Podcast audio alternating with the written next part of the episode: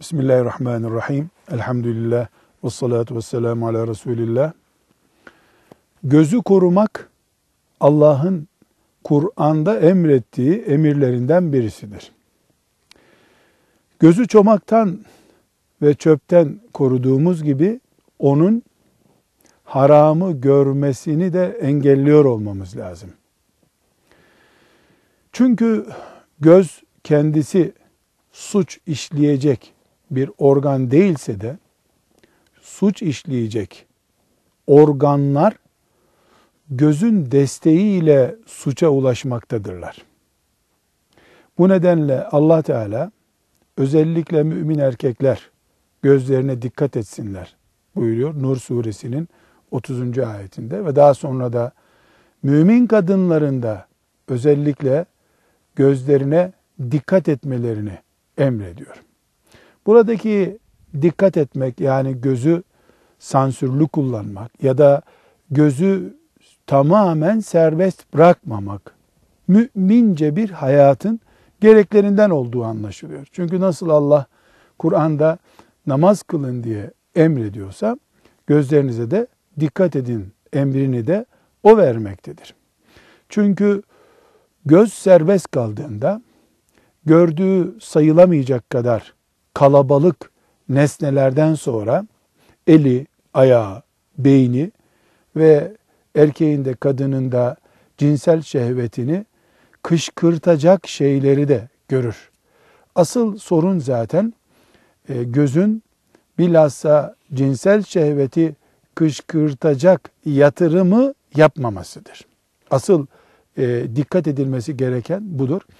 Bu nedenle e, erkeğin kadının avretine, kadının da erkeğin avretine, hatta e, erkeğin erkeğin avretine, kadının kadının avretine bakması haram kılınmıştır.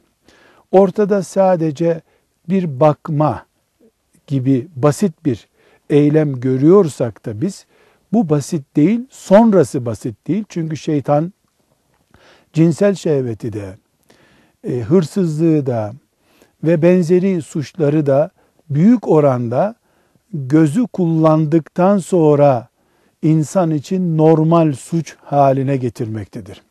Gözün tam serbest salındığı bir ortamda mesela e, yeni neslin çocukların e, gözlerinin yüzde yüz serbest olması, her istediklerini sınırsız bir şekilde görebiliyor olmaları, o çocukların kendilerinde olmayan nimetlerin sahipleri önünde kompleksli yetişmelerini de sağlayacak önemli bir alt neden ya da önemli bir kışkırtıcı nedendir.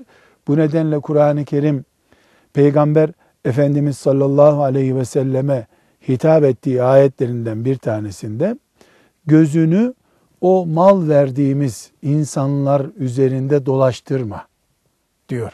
Çünkü e, elinde mal olmayan birisinin malı olanı sürekli izlemesi mal şehveti açısından bir sorun oluşturmaktadır. Her halükarda erkekler açısından bakıldığında kadınların kendileri zinet, süs olarak kullandıkları şeyleri, çamaşırları dahil Müslüman erkeğin gözüne haramdır. Aynı şey erkeğin avreti açısından kadına haramdır. Bu haramların gevşetildiği bir toplumda insanların namaz kılıyor olmaları ya da hacca gidiyor olmaları veya işte çocuklarına Kur'an öğretiyor olmaları yüzde yüz Müslümanca bir hayat yaşamak için yeterli değildir. Bu haramların salındığı ortam demektir. Haramların salındığı ortamlarda namaz Allah'ın emrettiği gibi fonksiyonu olan bir namaz olmaktan uzaklaşır. Bunun için Müslüman aileler, eğitimciler çocuklarını e, mikroptan ve hastalıktan korudukları gibi göz serbestliğine karşı da tedbir alarak yetiştirmek zorundadırlar.